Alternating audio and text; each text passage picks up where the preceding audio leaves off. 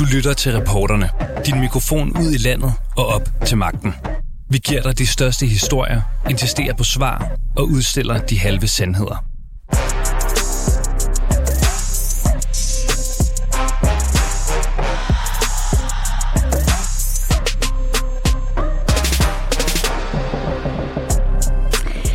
Lyver Danmarks beskæftigelsesminister bevidst på Facebook, eller handler det måske nærmere om, at han ikke orker at faktatjekke sin påstande? Det undersøger vi i dagens udgave af Reporterne. Det gør vi sammen med Peter Hummelgaard selv, kommunikationsforsker Mark Black Ørsten og tidligere politiker og nu politisk kommentator Joachim B. Olsen. Mit navn er Phyllis Jassar, og velkommen til Reporterne.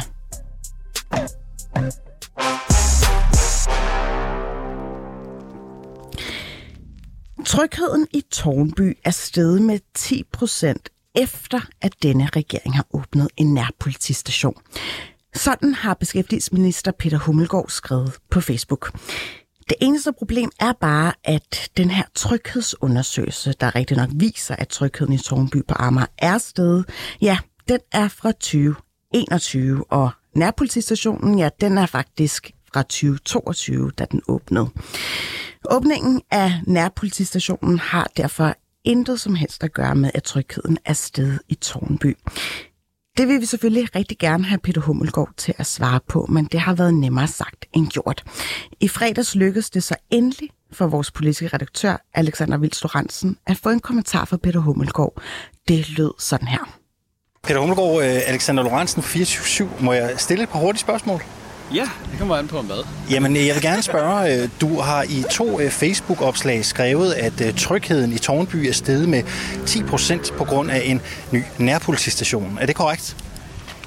Jeg ved ikke, om man kan tilskrive det alene nærpolitistationen, men, men vurderingen har ude i hvert fald, også i det, som kommunen har sendt ud, der er det da, at det har spillet en rolle. Det er fordi, jeg står med et par øh, udskrifter fra øh, Facebook her. Jeg vil gerne lige læse højt øh, for dig. Du skriver her til en kommentar til Mads Brygger. Øh, jeg kan bidrage med, at trygheden i Tårnby er steget med 10 procent efter, at denne regering har åbnet en nærpolitistation. Øh, så har du vel sagt det? Ja, så er, det er rigtigt. Altså, og så kan man altid diskutere, hvad er kausaliteten. Jeg tror, vurderingen herud er, og det er jo fordi, det har fyldt så meget i rigtig lang tid. Allerede i 2016, da i min første folketingsperiode, udfordrede jeg jo den daværende regering på, hvorfor at man havde lukket for både borgerkontakt og patruljeret udkørsel. Du har haft Facebook-grupper, øh, som har kæmpet i mange år for at genåbne øh, politistationen øh, herop øh, for, øh, for borgerkontakt og patruljeret udkørsel, og det er jo så lykkes under den her regering her. Og det bliver i almindelighed tilskrevet, at øh, folk føler sig mere trygge på grund af det. Men om jeg kan påvise det videnskabeligt, det kan jeg nok ikke.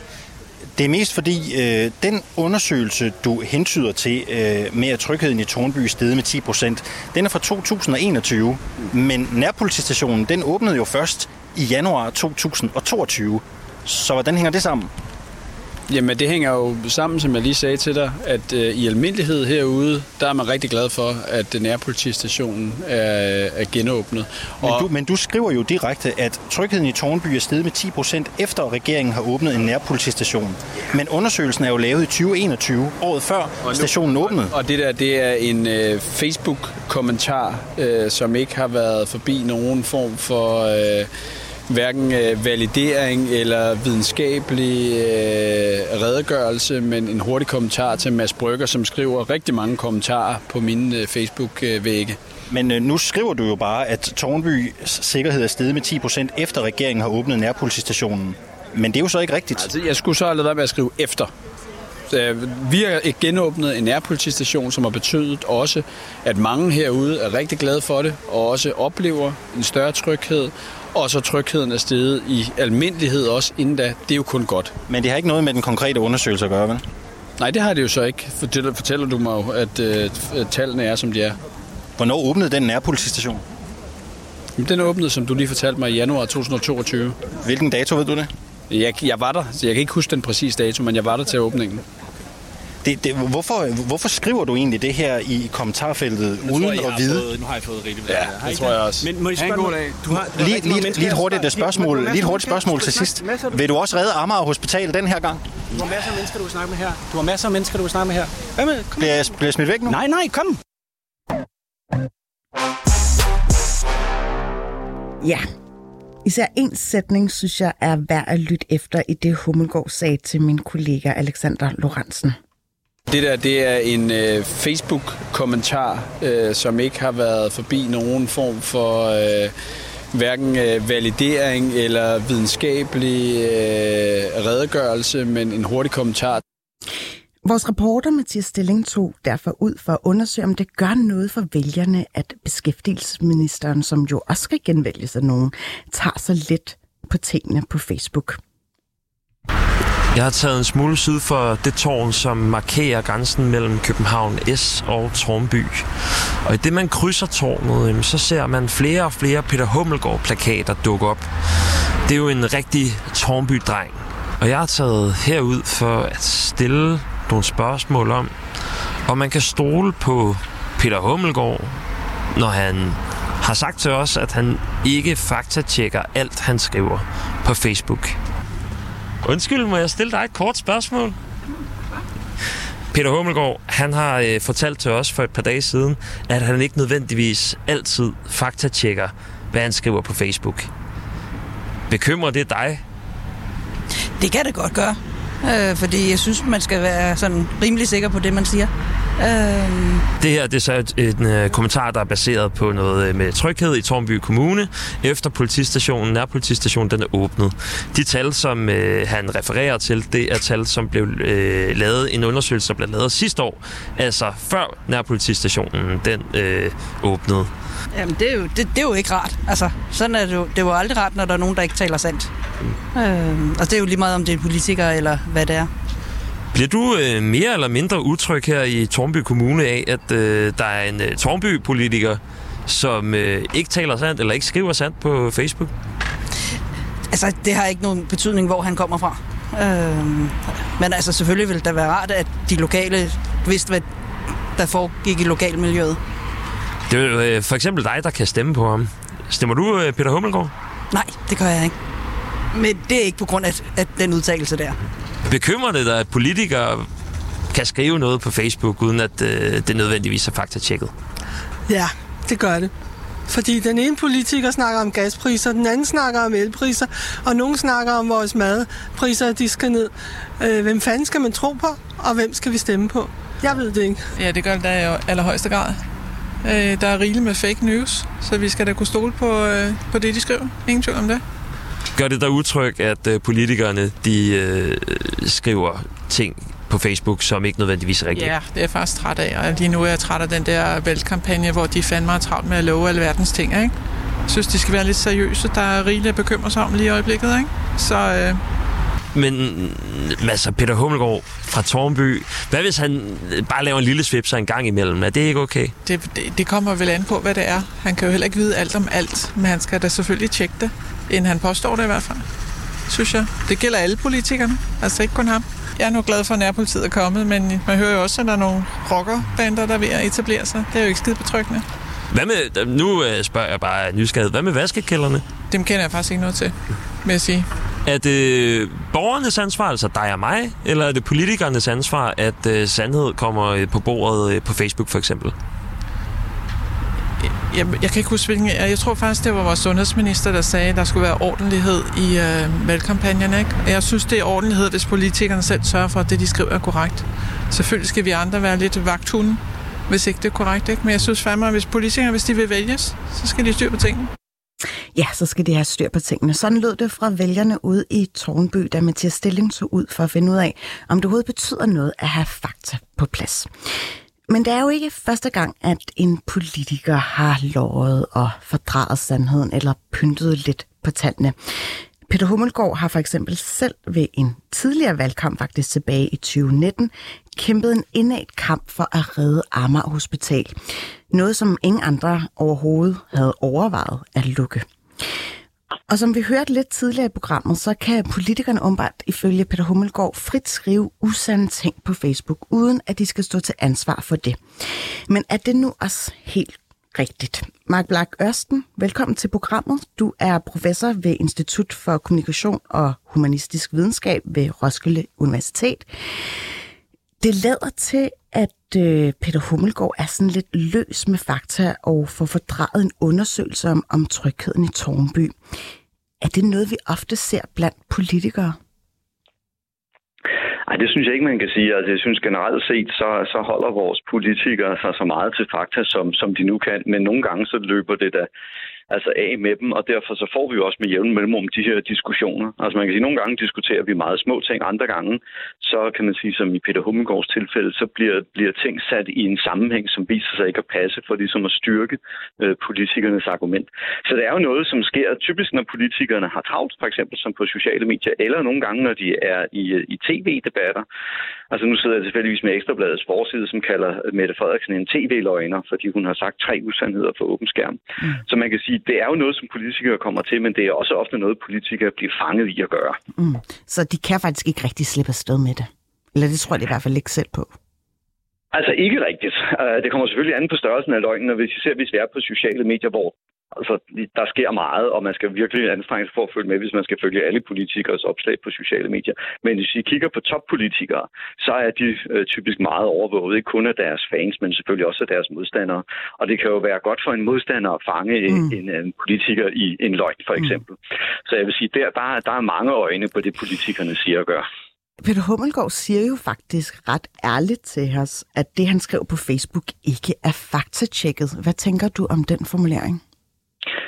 Jeg tænker, at det, det vil han nok ikke gentage hele vejen gennem valgkampagnen, fordi som vi også hørte fra jeres borgere ude i, i Tornby, så har danskerne faktisk sådan en, um, en meget gammeldags opfattelse af politikere. Det kan vi også nogle gange se på politiske skandaler. Vi kan godt lide politikere, der øh, arbejder, har orden i deres bilag, ikke tager unødigt på ferie og heller ikke har forskellige versioner af sandheden. Altså vi foretrækker sådan set hårdt arbejdende politikere. Mm. Øh, dette er, tror jeg, styrket i et såkaldt krisevalg, som vi har lige nu, og som man også hørt fra jeres øh, vokspop, øh, at, at danskerne derude kan sandsynligt godt mærke, at, at skoen trykker, og vi forventer, at vores politikere, særligt i en krisetid, øh, trækker i arbejdstøjet. Så du vurderer faktisk, at vælgerne sagtens skal gennemskue den her slags øh, løgn eller fordrejning af sandheden?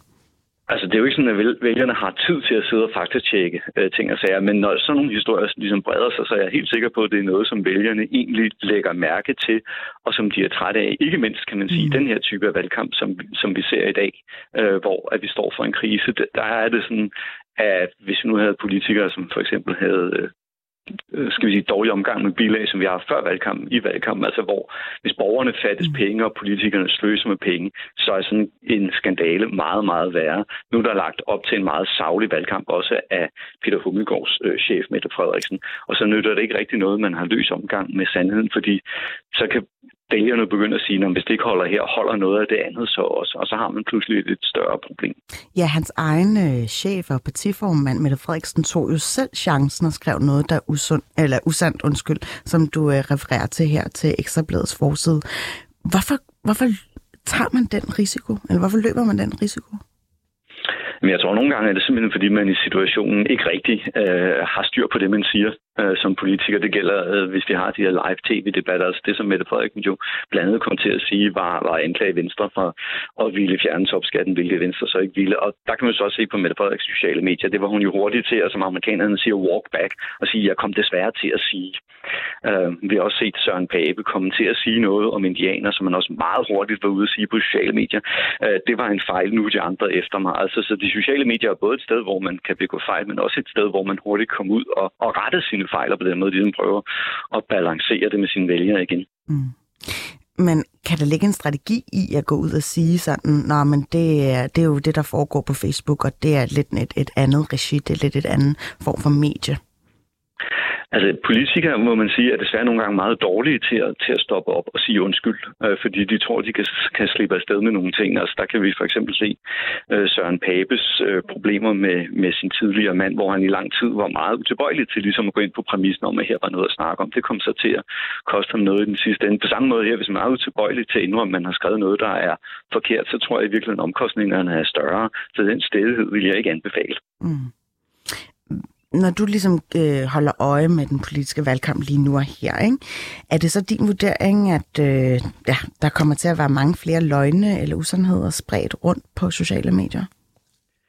Det tror jeg ikke, og det skyldes øh, nok især det her med, at vi er i, i en krisevalgkamp, hvor, hvor vi ligesom har står over for en masse vælgere, som muligvis skifter, skifter parti, en øh, muligvis ny politisk samlingsregering, og en generel fornemmelse af, at vi er presset fra alle sider. Det er sådan, altså lidt firkantet sagt, en meget alvorlig valgkamp, hvor jeg tror, at folk i høj grad er interesseret i folk, som er savlige og pålidelige, øh, og som man så som vælger kan stole på, kan føre landet igennem de her mange kriser.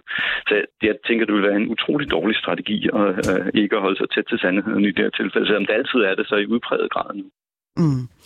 Men øhm, meget af valgkampen foregår jo på Facebook og som, eller på sociale medier generelt, og du nævner godt nok det her med, at vælgerne kan jo ikke rigtig gennemskue eller faktatjekke. Hvis du skulle give godt råd til øh, vælgerskaren, hvordan man ligesom kan se lidt, øh, ja, holde politikerne i skak i forhold til det, de ligesom kaster ud af, af detaljer og fakta, hvad, hvad kunne det så være? Jamen, så skal man nok øh, altså, kigge på forskellige typer medier, fordi man, øh, altså også på politikernes øh, for eksempel programmer, fordi de fleste af vores partier har jo fremlagt meget detaljerede, grundige programmer omkring, hvad de egentlig vil gøre ved de kriser, vi står overfor. Så hvis man er oprigtigt interesseret og bekymret for, hvor man skal sætte sit kryds, skal vi sige, ud for det, det, det omlæg, så skal man ikke kigge på sociale medier, så skal man kigge på partiernes programmer på den dækning, der er i de traditionelle nyhedsmedier. Hvis man har lyst til lidt underholdning at følge med i, skal vi sige, debatten øh, og, og, og stemningen nu er her i valgkampen, så er de sociale medier jo, jo rigtig fine. Altså her er det både sådan, altså der er jo ganske mange billeder på de sociale medier, og der er ganske mange delinger af Mette Frederiksen her. Jeg er hjemme i skønne Aalborg. Mm. Øh, Inger Støjberg har et ganske sjovt opslag, fordi hun har taget et billede af en dalplakat, hvor hun har malet sort i ansigtet. Så skriver hun, jeg håber ikke, det ser så sort ud for mig i virkeligheden. Altså, så det, der sker, kan man sige, på de sociale medier, er i høj grad sådan en slags underlægningsmusik til den mere savlige øh, debat, som partierne fører på deres egne platformer, mm. de traditionelle nyhedsmedier. Det er sjældent, at det er de sociale medier, hvor man ligesom booster eller får en rigtig rigtig øh, grundig diskussion af, skal vi sige, skattepolitik eller energikrise. Men man kan omvendt også godt se, hvordan de ligesom bruger det til at, øh, for eksempel, øh, hvad der hedder, minister øh, Kåre Dybvad, han øh, publicerede den her øh, besked fra en vælger, der har skrevet til ham personligt. Øh, hvad, hvad giver det egentlig et signal om? Jamen, det er jo det. I virkeligheden kan man sige, at de sociale medier var jo tænkt, og der er navnet sociale medier, var jo tænkt som en interaktion mellem borgere og politikere. Den er der jo i virkeligheden ikke meget af. Der er ikke mange politikere, der svarer. Der er heller ikke nødvendigvis særlig mange borgere, der skriver. Så derfor, når man så har de her borgerinteraktioner, det har Mette Frederiksen jo også nævnt, så er det jo noget, hvor man kan vise, at man er i dialog med vælgerne. Altså man kan få den her, skal vi sige, autentiske dialog øh, med vælgerne, som man egentlig ikke rigtig ellers har på sociale medier, mm. så viser, jo, jeg lytter til, hvad vælgerne egentlig gør. Mm. Men laver man undersøgelser, i hvert fald af tidligere valgkampe, så er det viser, at der er virkelig ikke særlig meget øh, social dialog på de sociale medier. Mm. Mark Black Ørsten, tusind tak, fordi du gad at være med i reporterne i dag, professor ved Institut for Kommunikation og Humanistisk Videnskab ved Roskilde Universitet. Selv tak. Joachim B. Olsen, velkommen til programmet. Du er politisk kommentator på BT, og så har jeg faktisk inviteret dig ind, fordi du jo tidligere er folkevalg for Liberal Alliance. Øh, du må jo om nogen kende til sådan her situationer, hvor sandheden måske lige skrider en lille smule. Og øh, derfor så vil jeg faktisk gerne lige starte med at spørge dig, hvorfor ender folketingspolitikerne til tider med at fordreje sandheden? Altså, jeg synes faktisk, og det er mit klare indtryk, at folketingspolitikere sådan set er meget opmærksom på ikke at lyve, men der sker jo nok nogle gange det, at man forsøger at få, hvad skal man sige, sandheden til at passe til ens eget narrativ, ens egen fortælling. Det sker typisk, hvis det er sådan forskningsresultater, som man gerne vil have til at passe til et eller andet politisk budskab, man, man selv har, eller holdning, man selv har, så man ligesom kan understøtte den med noget fakta. Mm, så det bliver faktisk mere en fejlslutning? Jamen altså... Mm, altså man kan sige, går også hurtigt i politik. Især i en valgkamp. Der skal, det, det er jo kampen om vælgernes opmærksomhed hele mm. tiden, og der skal pumpes mange ting ud. Uh, og, og nogle gange så bliver de et pænt ord upræcise i deres kommunikation. Ja, og kan du egentlig selv mindes en gang, hvor du kom til at fordreje ja, fakta en lille bitte smule? Altså, det kan... Hånden på hjertet. I, i, nej, ikke rigtigt, faktisk. Er du sikker? Ja. Nå, fordi at Jeg vil egentlig gerne få dig til at klakke, hvad er din opfattelse af, altså om det er mere okay, at man kommer til at øh, fordreje sandheden, eller faktisk ja, lyve på sociale medier, end, end hvis det sker i Folketingssalen for eksempel? Altså man kan sige, for, for folketingsmedlemmer er der ikke den store forskel, men for ministre, der er der. De skal sige sandheden og er underlagt ministeransvarlighedsloven, øh, mm. når de er til samråd og i folketingssalen. Altså når de agerer som øh, minister. Det gælder ikke på sociale medier. Men, men, Hvorfor ikke? Øh, jamen, der får de ligesom lov til at være politikere, kan man sige. Altså der, når de agerer som minister og udtaler sig i embedsmedfør, øh, så skal de sige sandheden. Men, men når de er på sociale medier, måske udtaler sig på et andet område, så, så, så, så er de det. mere... Øh, ja, så agerer de som politikere. Alright. Vil du sige, eller vil du pege på, at der er sådan en kultur blandt politikere om, at man ikke behøver at være 100% sikker, før man ligesom skriver eller tilkendegiver noget på, på Facebook? Altså, der er en kultur, hvor tingene går for hurtigt. Øhm, og hvor at man, altså, det, det sker jo, at man ligesom kommer til, eller politikere kommer til at, ja, og, og, og sige, altså i efter komme ud med en udmelding, at de nok ikke altid får helt undersøgt, om, om, om der er belæg for det, de siger.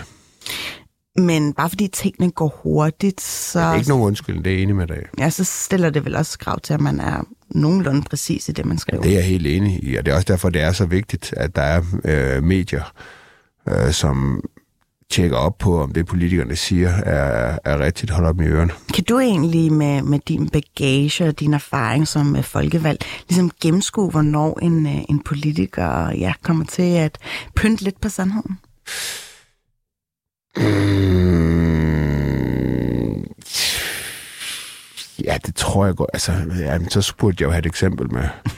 men, men, men øhm, jeg må indrømme, det, det, det er oftest, hvis det er fordi, det er et område, jeg selv har været godt inde i, og så har jeg kunne, kunne sige, i hvert fald konstatere, at der er i bedste fald nogle, nogle vigtige nuancer, der er udladt af det, politikerne siger nogle gange. Mm. Og hvis du ligesom bare lige kigger på den baserende valgkamp lige nu, tror du, at, øh, ja, at der kommer til at være mange løgne i det? Altså, eller fordrejninger? Ja, eller, det, det, vi så det jo for eksempel det der med Mette Frederiksen. Ja, ja du tænker på partilederdebatten om topskatten og Venstre osv.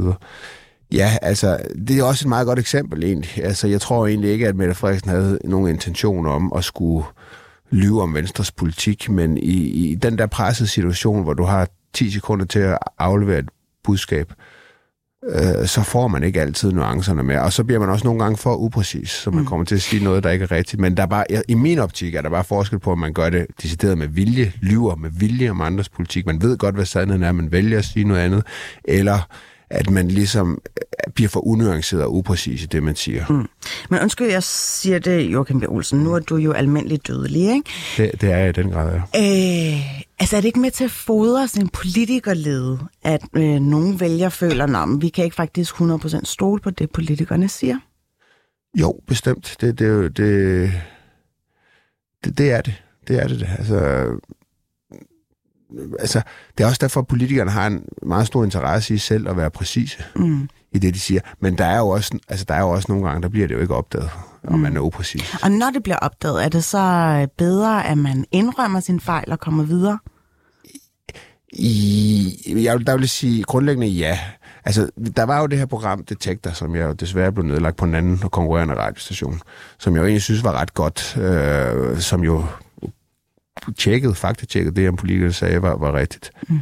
Øh, og det var jo sådan noget, øh, det, det gik man jo meget op i på Christiansborg. Øh, det blev sådan en ordsprog. Jeg har også selv brugt det på talerstolen. Det må, så må vi have detektor til at tjekke det osv. Øh,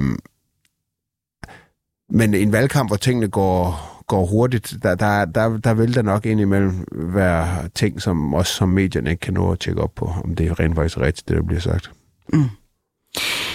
Joachim B. Olsen, du skal tusind tak, fordi du gad at være med i reporterne i dag og øse lidt ud omkring din erfaring som ja, tidligere folkevalg, men også ja, som nuværende politisk journalist og kommentator. Tusind tak skal du have.